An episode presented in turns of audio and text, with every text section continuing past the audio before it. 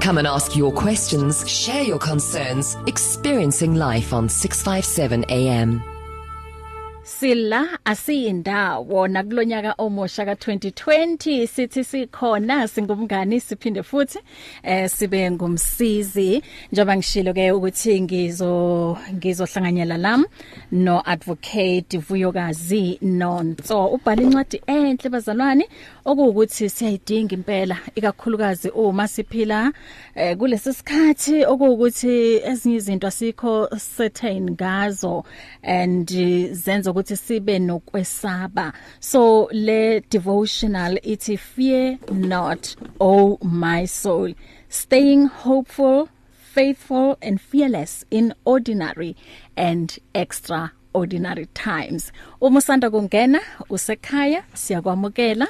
Eh siyabonga kakhulu ukuthi eh uyazi uthe hayi nakulonyaka ngisa ngisazohlala kulomndeni ngisazoba yingxenye yalomndeni yebo ungasuki njengoba nathi sinawe ngazo zonke izikhathi 1532 um advocate Yes, sisibahle. Unjani ba? Ndiyaphila sesunjani wena? Ndiyaphila nami. Siyabulela ukuthi ube nathi kule ntambama. Enkosi, thank you very much. Um it's such an honor and a privilege and I thank the Lord. Amen. That he has brought me um in this studio this afternoon. Yeah. You know when you called me about um, a week or so ago, Yeah. I was in the Eastern Cape at home Yeah. uh, in the rural Mount Frey. Um it was even a blessing that the the, the phone uh, call would go through and I was I was um busy pulling on the other direction and saying but I'm at home still holidays I'm only coming back on the second Yeah, I remember. Mm. I thank the Lord that you insisted because then I realized that time and tide wait for no man mm. and um I I saw that it is God's work because when I started writing this book last year Yeah. my main aim was that it, it, it, it, is ready for the beginning of the year Yeah. and I thought at that time that I, I, I, it would be at least ready at the at the first quarter because I was late already but now I said you see this is God's timing working because um you just called me at the most opportune time when people of God need hope when people of God need to be inspired and to be told that you know whatever is going um is going on around us the devil is a liar as as people always say and uh, as I re recall the the story I told you so yes it's such a blessing it's such a privilege and thanks to the people who have tuned in to to listen to this message Man, em njobo usho la phambilini uthi busekhaya. So uzalwa eMount Frey? yes Okay. Um awu- awusibekele nje isithombe kancane ukuthi u- ukhulele emndenini onjani ukukhula kwakho bekunjani? all right is it okay if i speak english or i'll mix because i speak uh, deep Xhosa Sicela ukuthi u- uthethe nalesi sixhosa. Oh great great. I'm a, I'm multilingual by the way. I just hope my Uh-huh. Sotho ayizuphuma ngefestile game hore ke tlo khona ho mixa so that batho bo botle ba Hayi hantle. Thetha thetha thetha. Ukhululekile ukuthi uthethe. Mhm. dizalwa eManfre by utata uNtsikelelo Nonso no mama uEugenia Nonso uh, as they call her Nosakhele elalini. Em eh since ndikhula abazali bami ndibabone be very staunch Christians. Mm. and ke mna um I, I might disappoint a lot of people. I was not really keen on church. Yeah. bendize ndibethwe uba ndifuneka ndiye ecaweni Sunday school and I would make any excuse yokuba maybe ndiyokolusa maybe ndizopheka. And my mom would pull me athi how how will I teach other children uba bahambe kanjani kodwa wena ungafuni kuya so um it it it used to be a a, a big fight. Kodwa um, what I noticed but they laid the foundation. When I got to Vets Technicon the then Vets Tech Technicon now UJ uh, I was all alone. I was in Johannesburg this rural girl. So uh, into yangisurpriseayo kukuba ndi ndiziyele ecaweni eCentral Methodist. Dingathunywanga ngekho umuntu onixelelayo ngoku. So and I would even invite my classmates sasenze mining engineering nabo. And I was so heartwarmed xa ndidibana nabanye besithi you Vuyo I remember you the staunch methodist. So from my school days then uh, seems like I had laid a trail. Um ndahamba ke ndayezweni ndayosebenza different provinces. Ngo 2003 um da da da ndaphendula ubizo lokuba ngumshumayeli.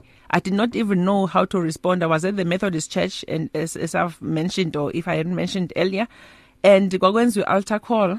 Ndaya phayana ndazi bakubizwa how do you respond to a call of being a preacher? But e Coalfields circuit was so lovely and so accommodating. So they called me in the quarterly meeting. I presented my my call to to preaching. They accepted me. I did my studies because ke nanso into that i I I I I admire about being a preacher at the Methodist you are forced to learn. Um will know or those who know uba kukhona our founder uJohn Wesley insisted on a preacher that is learned. So awuzuvelukhe izinto enhloko without having gone to school and if the people uh, the, the the preachers at that time said we do not have the books we do not have the time he would give them the yeah. books to learn and even more books so i went and did a, a, a preaching course which is compulsory for any preacher mm -hmm. who wants to be a commissioned preacher in the Methodist Church and um ndagqiba ngo 20 ngo 2008 at the end and then ngo 2009 I was robed and commissioned to be a local preacher. And um, how the local preaching works a Methodist kukuba we've got what is called a circuit which is made out of uh, uh, various churches called societies. So umfundisi akazuba khona every Sunday in those societies. So us as local preachers stand in until then he comes and uh, uh on the, on a particular Sunday once a month and gives communion. I love preaching. I just love preaching. I must say that about myself. And I always say ndifumene itender. I will always check people enqonda ba no babhizi ababantu or uh, elderly people for example I was in in Dundee at some point. They would just give me all their plans. And I was so happy we used to say I'm like a pastor. So I would preach three successive Sundays um in a month.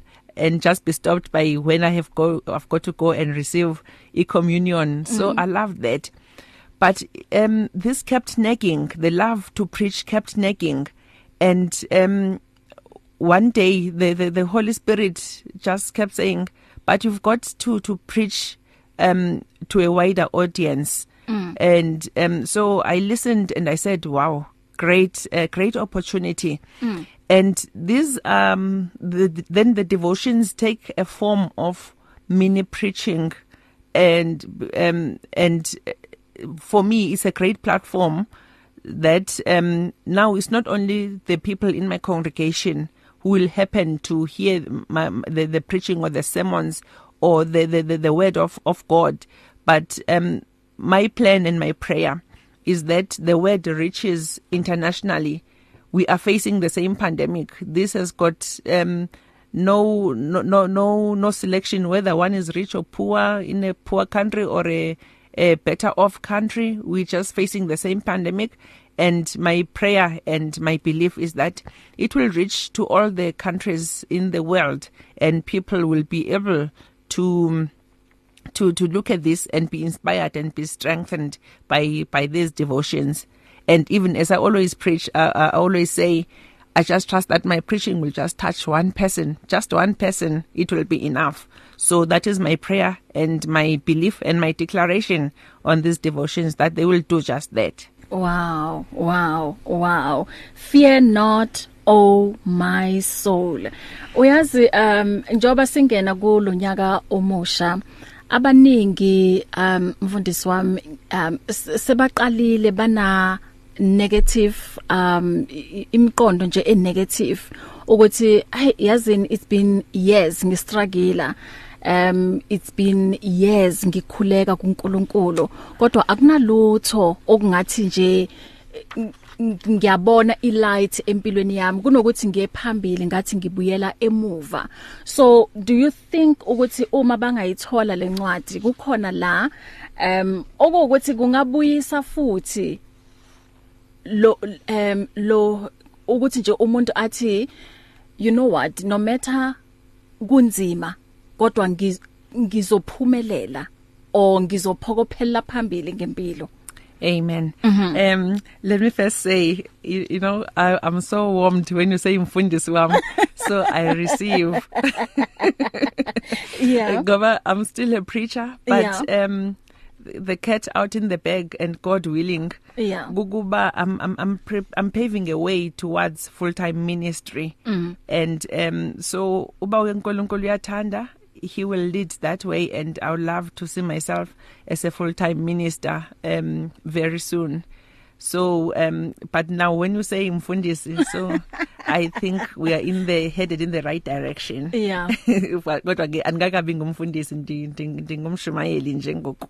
Um kukhona i-devotion apha i just i'm trying to find it kodwa ithetha about i-timing. And especially for people who will say kudala nthandaza kudala ndilindile.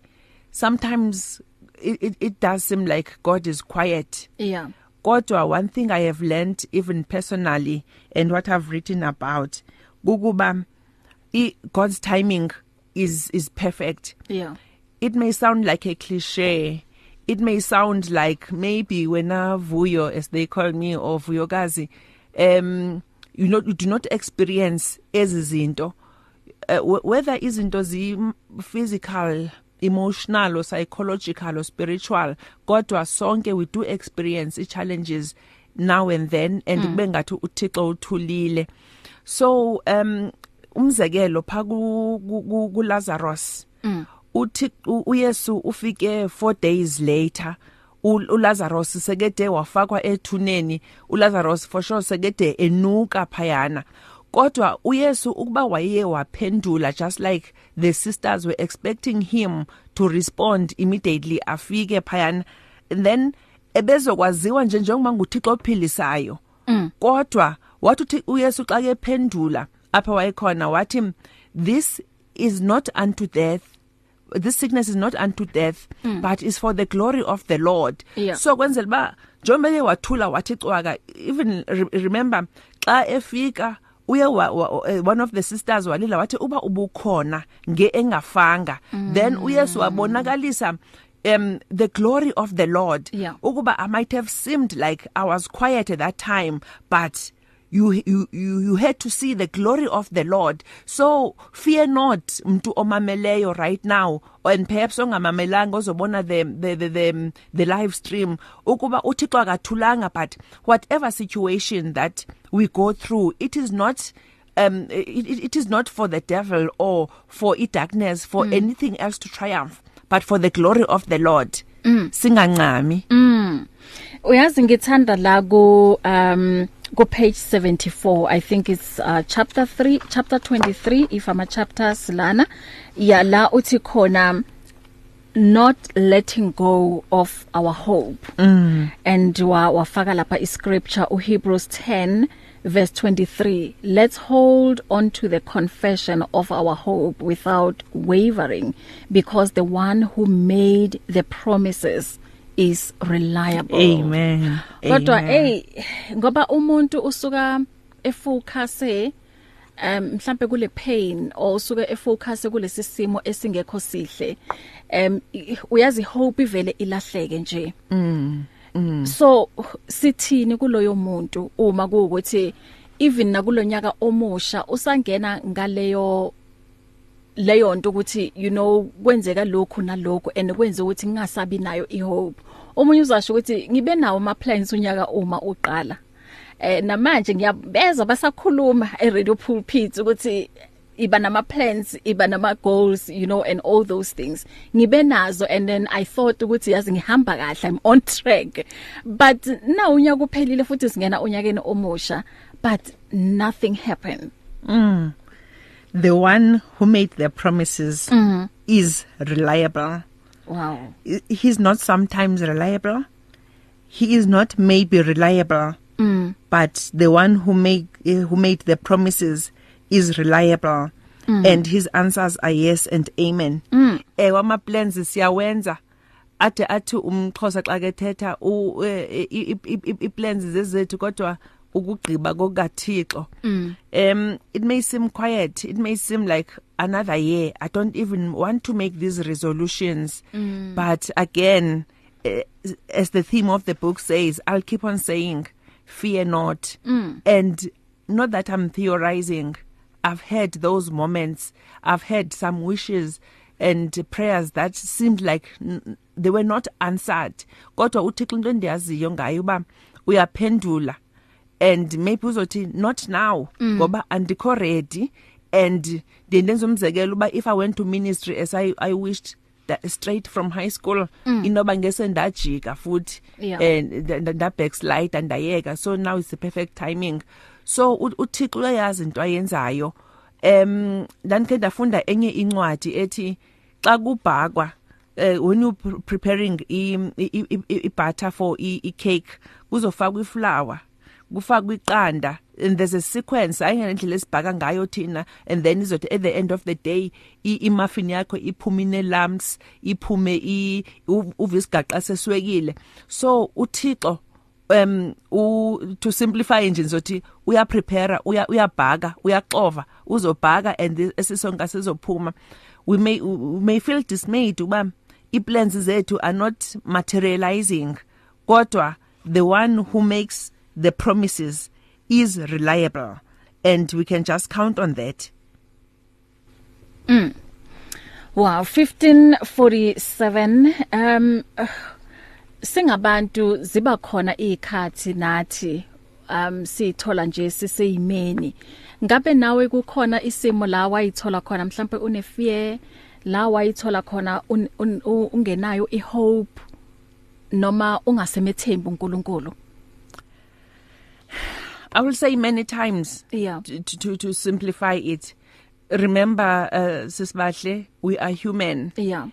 Kodwa, ndiye ndithi noba sendifuna ukulila maybe ngathi ngathi ndingathi thixo uphi thixo kutheni ungaphenduli mm. there's always a verse whether it's a, it's a song or whether it's a scripture that ministers and endicinga endicinga right now from the top of my head kukhona ingoma ethi eh, kungani namphefumulo udakumbile nje why are you so miserable oh my soul? Mm. waxhalaba ngaphakathi you are so fearful and you cannot rest ungena kuzola kodwa ukhona lo ubizwa zinzulu the one who is called by the deeps. Mm. um bekithemba lakho kuye uthuthuzeleke mm. so yes there are times when i'm fearful when i'm afraid. And especially uh, you you um you can see my weight. There are many times when i feel um low self esteem nandi athekwa mm. i low self esteem normally due to i body shaming when people uh, have made me feel ba andikhomhle believe me it's not some it's not shallow. Ndendoyike nokuvela ebantwini. Mm. sometimes i'll i'll present this brilliant business opportunity or an idea. Now come meeting time i get so fearful and um afraid to show up. Kube ngathi nje kuzoba i anticlimax or when I uh, when I'm I'm going to preach you know khona abantu abakwazi abangathi bayakwazi ukushumayela kakhulu kunawe babe ngathi bavakala ngcono kunawe.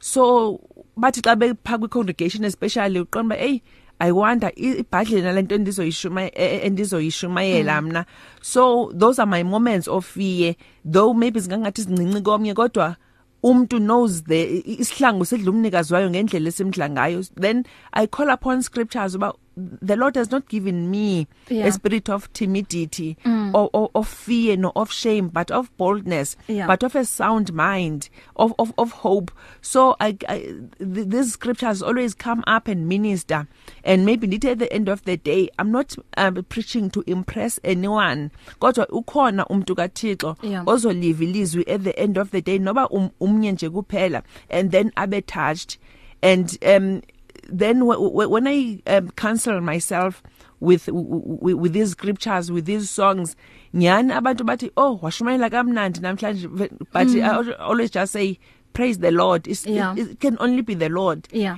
And i'm sure enye into unconscious ngayo and maybe people can can pick it. Ukuba um I'm not a very good talker. There are times I stutter. There are times maybe I do not have a good train of thought. so nje nazo izinto ezizindoyikise Yeah.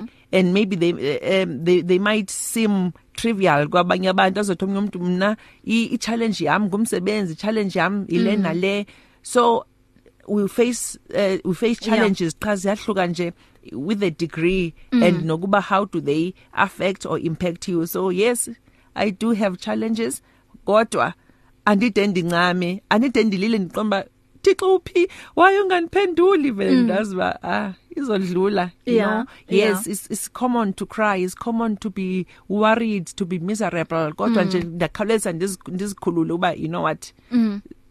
u- uyazihlupha nje umosha ixesha yes um, i, i, um i- there's a, there's a song as well ethi eh, sakungena e- emililweni uba nathi asi- asichi and then sakungena emanzini asirhaxo there's also a scripture as well to that extent.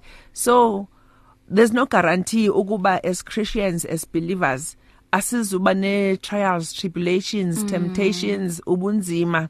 We do lose jobs we do get retrenched.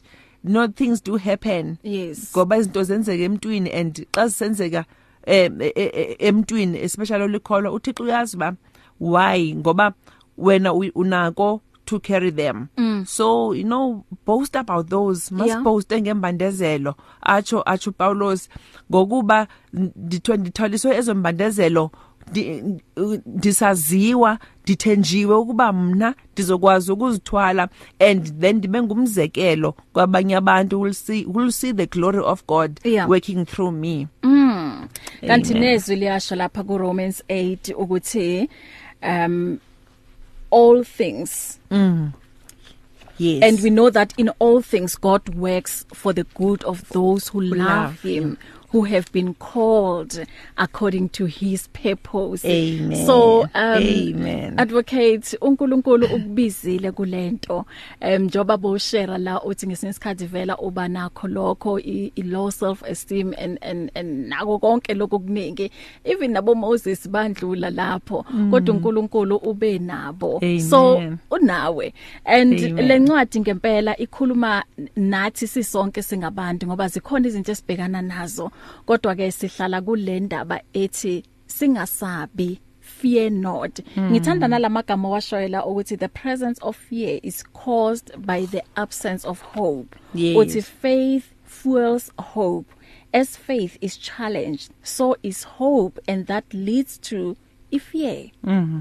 And uyazi nje ngesinye isikhathi sinokuthi s- sisabe nje si- si- sibe nalokho nje ukuthi you know what i don't know ukuthi ngizokwazi ukuthi ngindlule kulento. And then mosondlulile ilapho ubona khona ukuthi uNkulunkulu mkhulu and uNkulunkulu akahlulwa yilotho. And njengoba shile ezwini ukuthi nothing is too hard for yena. Amen. why singawakholwa lawo mazi? Ah, phela uNkulunkulu angeke nje abhale into nje for ubumnandi ukuthi hayi yazini ngifuna nje ukuba impress ngifuna ukuthi nje bajabule.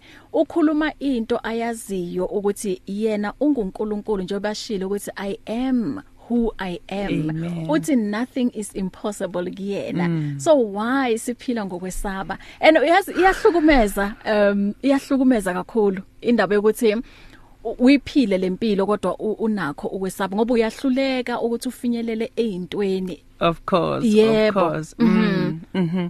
Yes, you know, um I, I'm a living testimony and anditsho ngoba ndifuna uku- ukuzigwagwisa or to to talk about myself Yeah. and even when I preach I always refer to my experiences Yeah. so that people can learn and, and hear and see what the Lord has done. Yeah. The, you know, I do not theorize at all. You know, when I open with the first devotion, mm. um, um- umzekelo ndandiphiwe by a reverend friend of mine. Mm. It was in 1997 when I had to go and start uh, doing my practicals um, in an underground mine. Mm. I was really afraid and part of me did not even want to go Yeah. ngoba I had heard these stories about underground but you know what uh, what kind of female eleqa mining to start with mm. and underground you will be raped you will be killed there will be catastrophes like flooding like falls of ground mm. so he saw how afraid I was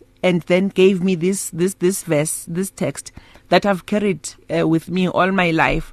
There are times I'm afraid there are times I've been afraid but I always call upon the Lord. Amen. and I remember go 2000 um 2001 you know I was at the lowest point of my life. And umama came to Witbank apho ndanisebenza khona um to to give me moral support. So i had to take her back to the to, i had to take her to the taxis wenzela bayena goduke ngishiyeke mm. i think one profound thing a, a mother could have done for a child one one, one dinika iverse u Psalm 50 verse 15 call on me on days of trouble mm. i will answer you wow. and um you will you, you will praise me you will honor me so nazo izinto ezindomelezayo i'm sure she realized bashayima umntanami i feel so sorry for her yeah. and there's nothing much i can do for yeah. her except to just give her lomphako yes. ozomgcina and you know it it still carries me yeah. I, i just always remember that verse nje xa ngisengxakini ndazi ba manibize kuye ndizohlangulwa Mm, mina ndimzukise mm. mm. wow isikhathi ke sithi 3 before uh, 4 o'clock uma ke kukhona othanda ukukhuluma no advocate lana eh vuyokazi ngicela ukukunikeza um lo lemizuzu embalwa esele 0123341322 noma ungashayela ku 0123338699 ungathumela ne WhatsApp ku 082 06572729 noma uthumele ivoice note kuyona leyo number iSMS number yona ithi 37871 ithi ngindlule ngala uma ngibuya ke ngizobe sengivulile incingo Share the love. Share the truth. Share the life on 657 AM. On 657 AM. There is a time to search and a time to give up, a time to reap and a time to sow. Radio Pulpit wishes to be there at all times, even when you just need prayer. Send us your prayer request by calling 067 429 7564 or email it to prayer at radiopulpit.co.za. Hear the word and renew your life on 657 AM. Sila ku AM 657 sithole na ku DSTV audio bouquet 882 kwamanje ngino advocate Vuyokazi nonso ubhaleke i devotional book lana ethi fear not. Oh my soul. Ngiyacabanga ukuthi incwadi eright kakhulu le njoba siqala unyaka ukuthi nje uqale ngaloyo moya eh ongenabo ubugwala. Eh mhlawumbe kukhona nje izinto ezikuthikamezayo empilweni. Nansi incwadi enhle okuthi ungayithola and then ikusize eh unqobe loko kwesaba eh ume sisinyi lana um eh sisinovuyo uthi advocate Vuyokazi Nonso uthi siyabulela ma uthi God didn't give us the spirit of fear ngoba singabakhe amen mm. eh u uzoliswa uthi i'm motivated sibahle ngosisivuvu or ngosisivuvu uh, especially nxa eh siqala unyaka uthi may uh, may God continue to bless her. Abhale more books. Uzowe e, e, e, e Cape Town. Yeah it's a Cape Town. Yeah and then lana usazobhala vele ezinye incwadi of course. eyokuqala le eyokuqala lena okay so silindele ezinye. You know i've got titles. Sometimes i'm inspired in CM17 or when wherever i'm driving and then yeah. i start doing e voice recording uh -huh. ye title yoba ndingayilibali.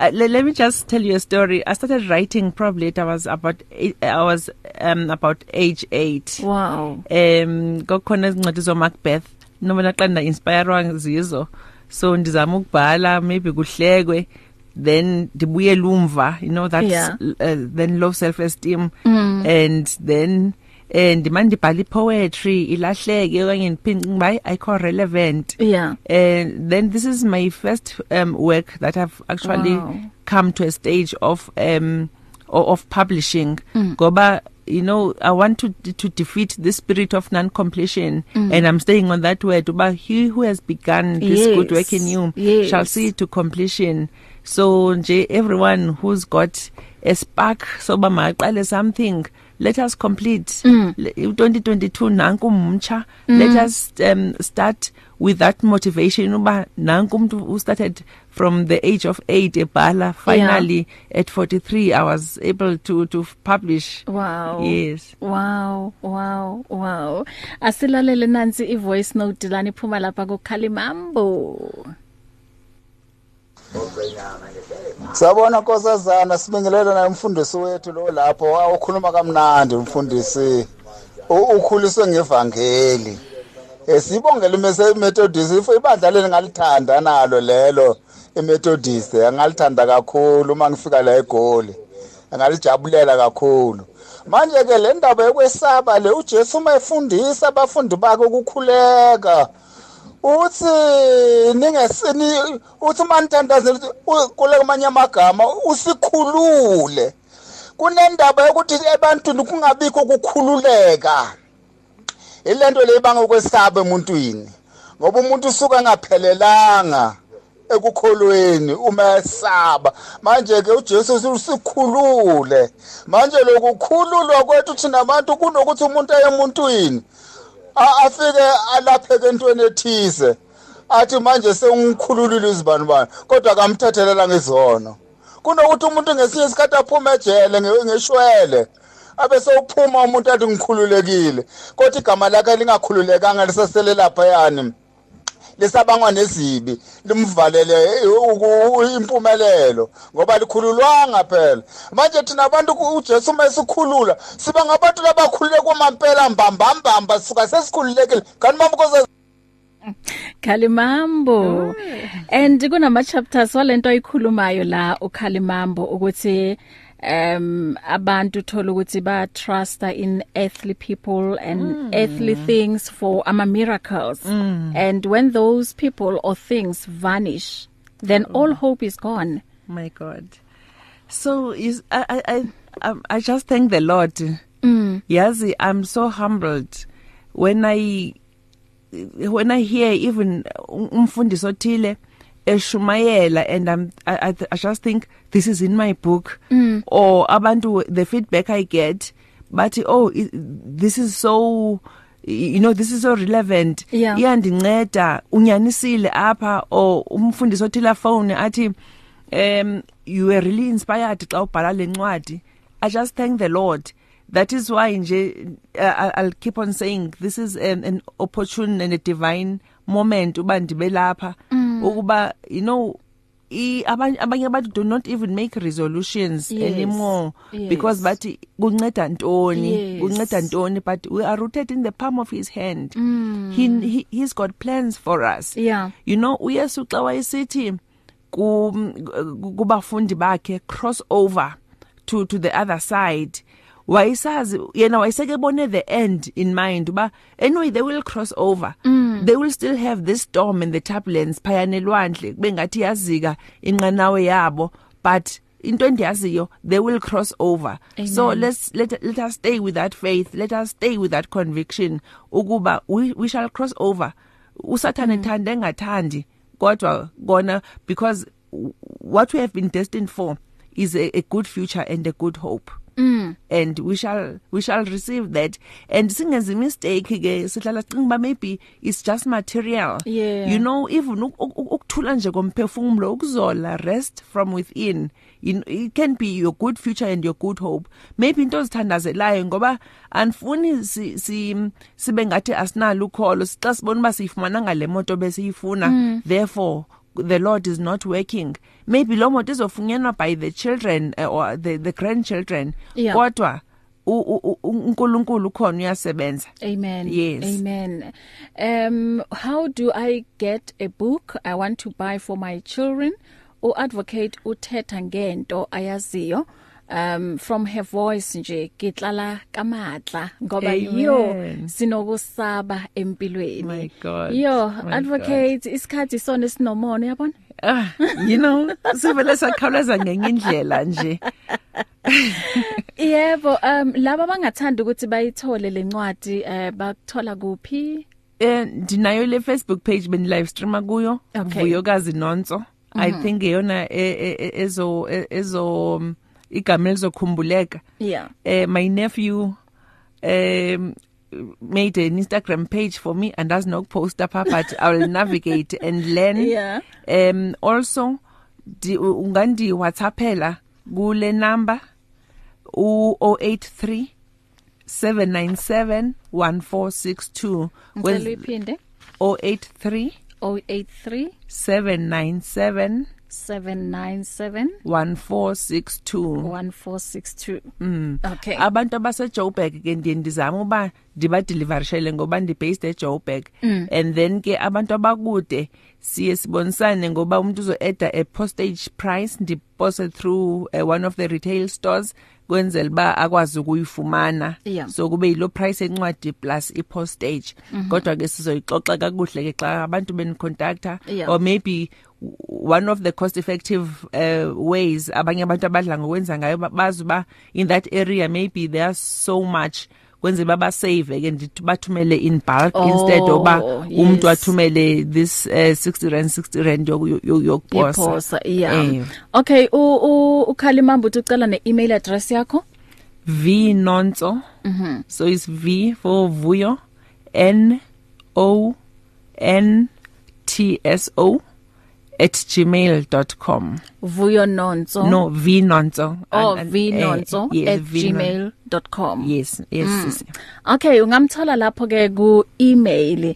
Eh sibonge kakhulu. Uyasibonge kakhulu ukuthi ube nathi kule first Sunday kanyaka ka 2022. Oh, Eh ngiyathemba ukuthi kulabo ababelalele akusekho ukwesaba. amen Sithi siyaphambili. siyaphambili Yebo. divinely Yes. and divinely stubborn you know we Yebo. just need to have that divine stubbornness that Aha. divine arrogance Aha. uba u- u- usathana akazi usenza nto Yeah. you know um as i was telling you before we came in ukuba um I'm rural game and I used to fight a lot um after school Yeah. isikolo Uh-huh. I was afraid of this girl I was going to fight with and kanti it turned out uba uyandoyika Mm. because of the person who advises me uba ndilwe kanjani Yeah. so what i learned from that uba usathana will just um acofe azama ukubona ukuba Mhm. a- a- angathatha ama chance kuphi but Yeah. nguye oyikayo and because because he knows ukuba Mm. who is on our side Yes. you know Yes. so and greater is he who is on our side than the Amen. one who is in the world Amen to that. Um naye eminye imiyalezo la ngaphambi kokuthi siphume uthi thank you advocate the name of the Lord is a strong tower unoma Amen. malide ungale eMessi Park eDobsonville and then Hallelujah. omunye uthi la wow God is so good and kuzoba mnandi in 2022 may God lead Radio Pulpit to the greater heights and big things are on the way amen and amen siyabonga Praise the kakhulu Lord. eh mamngwenya ngaleyo prophecy em Hallelujah. uyazi mfundisi njengoba u- oh it's okay it's okay. Lord you hear this. It is done. Ngithi uyabona sesaphila sesaphefumula. Uma ku ku- ku- eh, mhlambe kwenzakele ukuthi ukhuluma nge kunala ku- kule chapter lo ukhuluma ngayo nge foundation ukuthi make the lord your foundation. Oh yes. Ukuthi uma eh, bowakhe ku foundation engekho wrong Mm. akakabi late ungakwazi ukuthi uyigubhe leyo foundation. U- uyazi uyilahlele le Amen. bese uqala kabusha Mm. uwakha ku foundation ekubani eku ekuKristu yebo Amen. ngoba iyona bona inamandla noma ivunguvungu zingeza iyohlala Oh my imile God. kanje. Oh so my God. asakheni phezukwesekelo esingu Jesu Kristu. Amen. ezinye lezi khohlwa ngazo mzalwane ngoba azisebenzi izinto zesikhashana. Leyo foundation obuyitshela ukuthi hayi lengakhile phezukwayo ivunguvungu meziza so uyasaba. So ufuna ukubuyela futhi laphayana You know. uthi hey awungiphe le yanto Ah, uyabona Nkosi. kanti kuKristu senzani siya nje emkhulekweni which is for free Ah, Nkosi so yami. uma uzoya kuloya muntu kuyomela ukhipheni imali yeingane zakho Oh, sisibahle you know this is so profound Yeah. yazi i- i- i- i- my my iverse yam yokuguquka Yeah. Gala- Galatians chapter 5 verse 1 Yeah. ndifumeneka kuhle ithi imane enkululekweni Aha. apho uKristu wasikhululeka wasikhululela khona ningabusayithwala igyokho yobukhoboka Aha. so that just sums it up nje you know there's the the spirit ine link nje ngathi uyanibona ukuba foundation foundation Yeah. foundation Foundation. Mm. Sure. Advocate, thank you so much ukuthi nje usinikeze isikhatsi sakho ube nathi siyabonga na sekutheni ube ngumngani uphinde ube ngumsizi nanokuthi usinikeze ithemba ukuthi singene kulonyaka ka2022 um uyazi ngalesi spirit um ukuthi inkosi unguJehova Amen. and akukho ngempela okuthi kungathina kungasihlula em ngokwazi kwethu kodwa uNkulunkulu akukho kumehlulayo so sihlale nje kuyena Ah sisibahle. uNkulunkulu anibusisele wena first and foremost amen for inviting me here and he, he has used you greatly and may he expand your territory. May the Lord expand the territory of the listeners of um the people who've sent voice messages e- even the people who are not listening ngoba we fighting the the spirits not Yeah. the flesh mm. so nje uThixo uzoba nathi kulo 2022 usathana akanamandla. Amen. Amen. Amen. Yeah, uadvocate Vuyokazi umthola ku 0837971462 ungamwhatsappela lapho uma kukhona tha- ongathanda ukuthi akusize ngakho ikakhulukazi ngale ncwadi. Um thank you. And nje inkosi busise si- silindele ezinye incwadi phela. amen. Sizoza every year. Yebo Amen. Thixo ngumncedi wami. Thixo Amen. ngumncedi Ya singenile ke esigabeni sesibi se- sokugcina njengoba ke selishayile elesine ihora 12 after 4 o'clock. Sizoba ne discussion ke kungasekudala nomfundisi umudise Muloyi namohla ke sithi setting intentional goals. Lingasuka iphondo lakho ngiyabuya emveni kwalomhlabelelo kaqamisa eh nondo dlakadla bethi eh, u- umqamisa uthi msindisi wami bese uzolandela undo dak eh, dlakadla ethi goodness and mercy The words of the Lord are words of life. Your heart is on 657 AM. 657 AM. This is a public service announcement out of concern for your safety. And we at Radio Pulpit would like to remind you to follow the safety guidelines as indicated by the South African National Institute of Communicable Diseases and the Department of Health to keep COVID-19 under control in our communities. If you or a loved one presents with symptoms or if you believe you were in contact with an infected person, call the emergency hotline 0800 029 999 for assistance. It is everybody's responsibility to practice the advised hygiene and cleanliness guideline as set out by the government. For more, visit www.radiopulpit.co.za. You can now buy your favorite programs and series of the past 38 years, as well as books, CDs, and more on eCompanion, Radio Pulpit's own online shop. Visit radiopulpit.co.za and click on shop. You and 657 AM and life, a winning team on the road to eternity.